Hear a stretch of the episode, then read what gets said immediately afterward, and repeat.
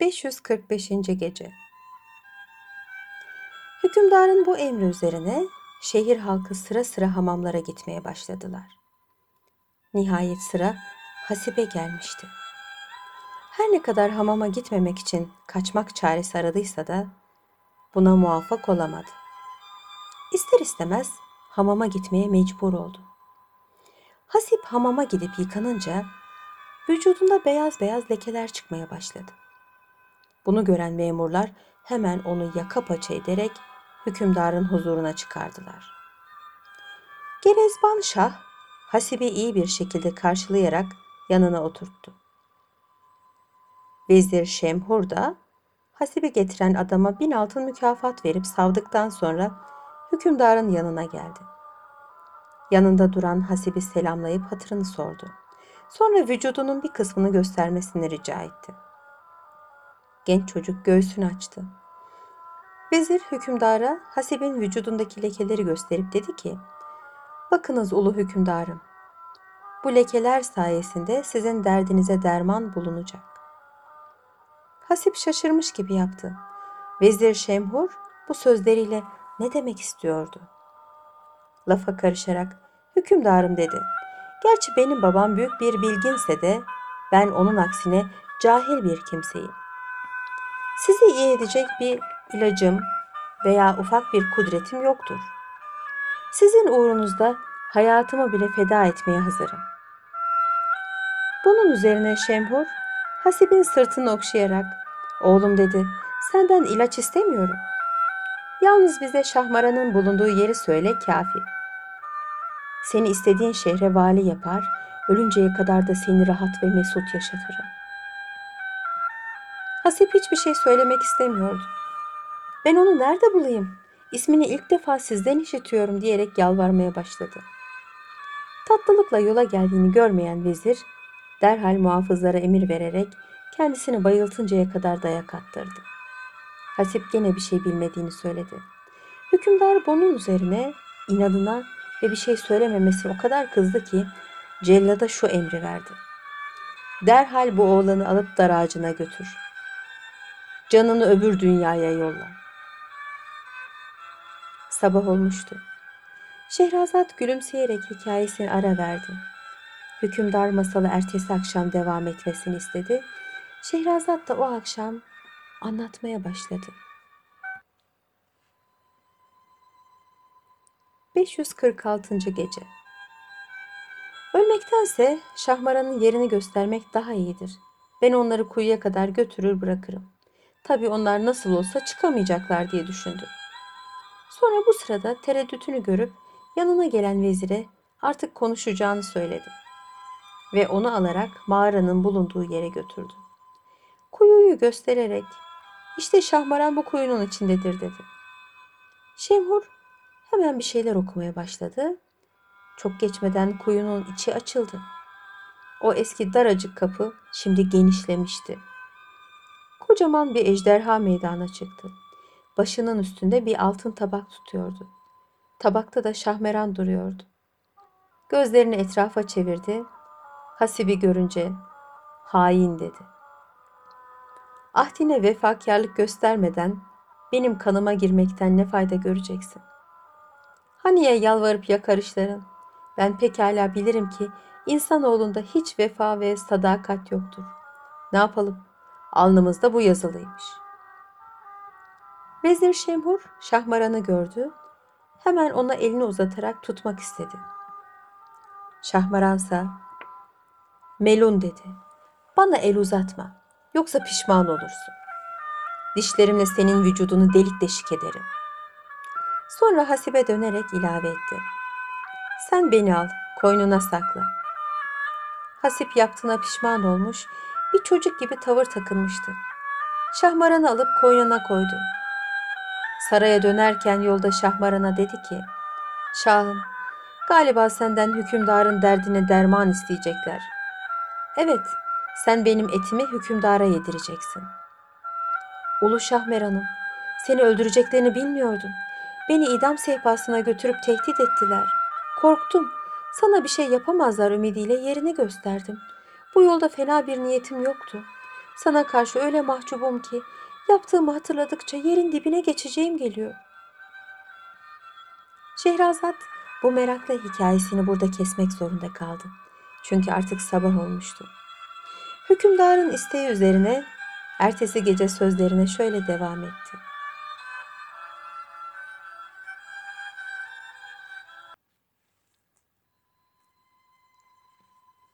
...547. Gece Şahmaran Hasip'i teselli ederek ''Ey Hasip'' dedi. ''Senin temiz kalpliliğine bir diyeceğim yoktur. Kaza ve kader böyleymiş. Ben bin sene yaşadım. En nihayet ecel şarabını içecek değil miyim? Bu şehitlik herkese miyesser değil mi? Sana ölmeden bir öğüt vereyim. Sen bana ettin fakat ben sana etmem zira. Kemlik fena bir iştir. Bu melun herif sana beni öldürmeyi teklif ederse sakın kabul etme, katil olursun. Bırak vezir Şemhur beni boğazlasın ki katil o olsun. Ben de şehit gideyim. Beni öldürdükten sonra bir çömlek içine koyup kaynatacaklar. Sakın benden ilk çıkan suyu içme. Vezire içirmeye bak. Eğer bu dediklerimi yaparsan çok acayip ve faydalı şeyler görürsün. Hasip bu öğütleri tutacağına söz vererek bu son iyiliğinden dolayı ona teşekkür etti. Artık Şah'ın sarayına varmışlardı. Şemhur Hasip'in yanına yaklaşarak amirane bir tavırla ''Hadi çabuk Şahmeran'ı çıkar boğazla'' deyince Hasip ağlamaya başladı. Şemhur fena halde kızarak delikanlıya çıkıştı. Bir yılan için bu kadar ağlanır mı? Sonra Hasip'in elinden Şahmaran'ı alıp boğazladı. Bu sırada Şah'ın tarafından bir adam gelmişti. Şemhur'u çağırdı. Vezir hemen Hasibe, Şahmeran'ın cansız cesediyle iki şişe vererek al bunu dedi kaynat. İkinci suyunu bana bırak. Bende bel ağrısı var ona çok faydalıymış. İlk suyunu sen iç. Ne hastalığın varsa geçer. Şemhur Şah'ın huzuruna girince Hasip Şahmeran'ın cesedini kaynattı. İlk suyunu vezire bıraktı, ikinci suyunu alelacele içti. Şahmaran'ın cesedi konulduğu çömlekte kaynamaya başlayınca her bir tarafı ayrı ayrı ben şahın hastalığına ilacım gibi sözler söyleyerek nasıl ve ne zaman kullanılacaklarını açıklanıyordu. Biraz sonra Şevhur geri dönmüştü. Sert bir sesle Hasibe hadi bana ikinci suyu ver diye seslenince Hasip derhal birinci suyu koyduğu şişeyi uzatıp buyurun işte arzu ettiğiniz ikinci su afiyetle için. Vezir Şemhur memnuniyetle suyu içti. Çok geçmeden de karnı şişmeye, midesi ağrımaya başladı. Yarım saat kadar acı içinde kıvrandıktan sonra can verdi. Bunu gören Hasip, Şahmeran'ın son öğüdünün yerinde olduğunu ve dediğinin çıktığını görünce çok memnun oldu.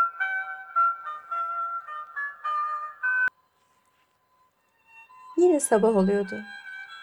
Hükümdar masala ertesi akşam devam edilmesini istedi. Şehrazat da yarıda bıraktığı masalına ertesi akşam şöyle devam etti. 548. Gece Vezirin ölümü derhal her tarafa yayıldı. Şahın buna fena halde canı sıkıldı. Ne yapacağını şaşırdı. Çünkü ondan şifa bekliyordu. Hasibi yanına çağırdı, ona dert yanmaya başladı. Evladım, Vezirim öldü. Artık ben bu müzmin illetimi nasıl tedavi edeyim? Bana bir çare bulabilecek miyiz?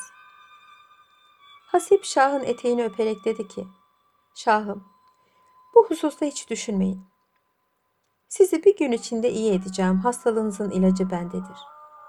Sonra çömlekteki şahmeranın başını çıkartıp Şah'a verdi ve yemesini söyledi. Şah onu yedi. Çok geçmeden vücudunda biraz kaşıntı duydu ki bu hastalığın geçeceğine alametti. Hasip izin alarak eve gitti. Yolda tesadüf ettiği ağaçlar, otlar hep dile gelip ne işe yaradıklarını söylüyorlardı. O da bunlardan epeyce istifade etti. O gece sabaha kadar uyumadı. Kalbi heyecanla çarpıyordu. Acaba şah kurtulacak mı diye düşünüyordu. Şafak sökünce hemen sarayın yolunu tuttu. oraya vardığı zaman Şah'ın sıhhatini sordu.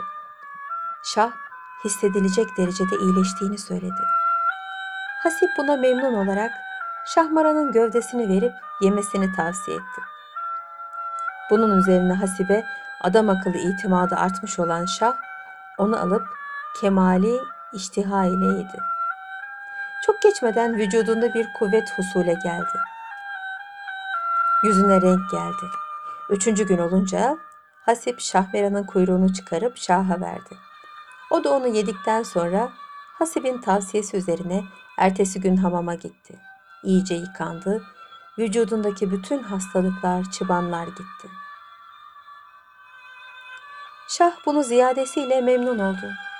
Saraya döner dönmez de Hasip'i yanına çağırdı. Onu büyük bir sevgi ve saygıyla karşıladı. Yanına oturttu ve ona iyileştiğini müjdeledi. Biraz sonra Şah'ın emri büyük bir yemek sofrası kuruldu. Hasip bunu görünce kalkıp evine gitmek istedi. Şah onu tutarak niçin gitmek istediğini sordu. Hasip başını önüne eğdi. Benim gibi fakir bir delikanlı sizin gibi yüksek bir şahla beraber aynı sofrada nasıl yemek yemeye cesaret eder? Şehrazat bu meraklı hikayesini burada kesmek zorunda kaldı çünkü sabah olmuştu. Hükümdarın isteği üzerine ertesi gece sözlerine şöyle devam etti. 549. gece Şah Gerezdan Hasib'in terbiye ve tevazuna hayran kaldı. Oğlum ben bu sofrayı senin için kurdurdum.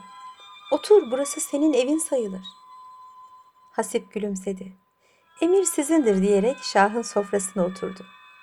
Yemeklerini bitirdikten sonra Şah emir vererek derhal birkaç saat içinde sarayda büyük bir divan kurulacağını halka bildirmelerini istedi. Çok geçmeden şehrin her tarafında tellallar çıkarak Şah'ın emrini halka bildirdiler. Az bir müddet içinde sarayın içindeki büyük divan memleketin en tanınmış şahsiyetleriyle dolmuştu. Şah o sırada vezir üniforması giydirdiği Hasip Keramüddin'i onlara takdim ederek bu delikanlı beni müzmin hastalığımdan kurtardı. Onu bunun mükafatı olarak ölen vezir Şehmur'un yerine kendime vezir tayin ediyorum. Bundan sonra onun emirlerine itaatte kusur etmeyeceksiniz. Bunun üzerine bütün devlet adamları birer birer kalkıp Hasip Keramüddin'in elini sıkıp yeni vazifesinden dolayı tebrik ettiler. O günden sonra bu büyük rütbeye erişen Hasip, annesini alarak hükümdarın kendisine tahsis ettiği büyük bir saraya taşındı ve vazifesine layık bir adam olmak için geceyi gündüze katarak babası gibi bilgi edinmeye başladı. Kısa bir zamanda malumatı arttı. Bilhassa babasından kalan o beş kağıttaki bilgiler ona çok yardım etti. Böylelikle büyük bir adam olan Hasip, ömrünün sonuna kadar mesut ve müreffeh bir hayat geçirdi. Şehrazat anlattığı masalı burada bitirdikten sonra hükümdara döndü. Sevgili hükümdarım dedi. Simbat'ın hikayeleri Şahmeran masalından daha az meraklı değildir. Şehriyar öyleyse yarın akşam da onu anlatırsın dedi.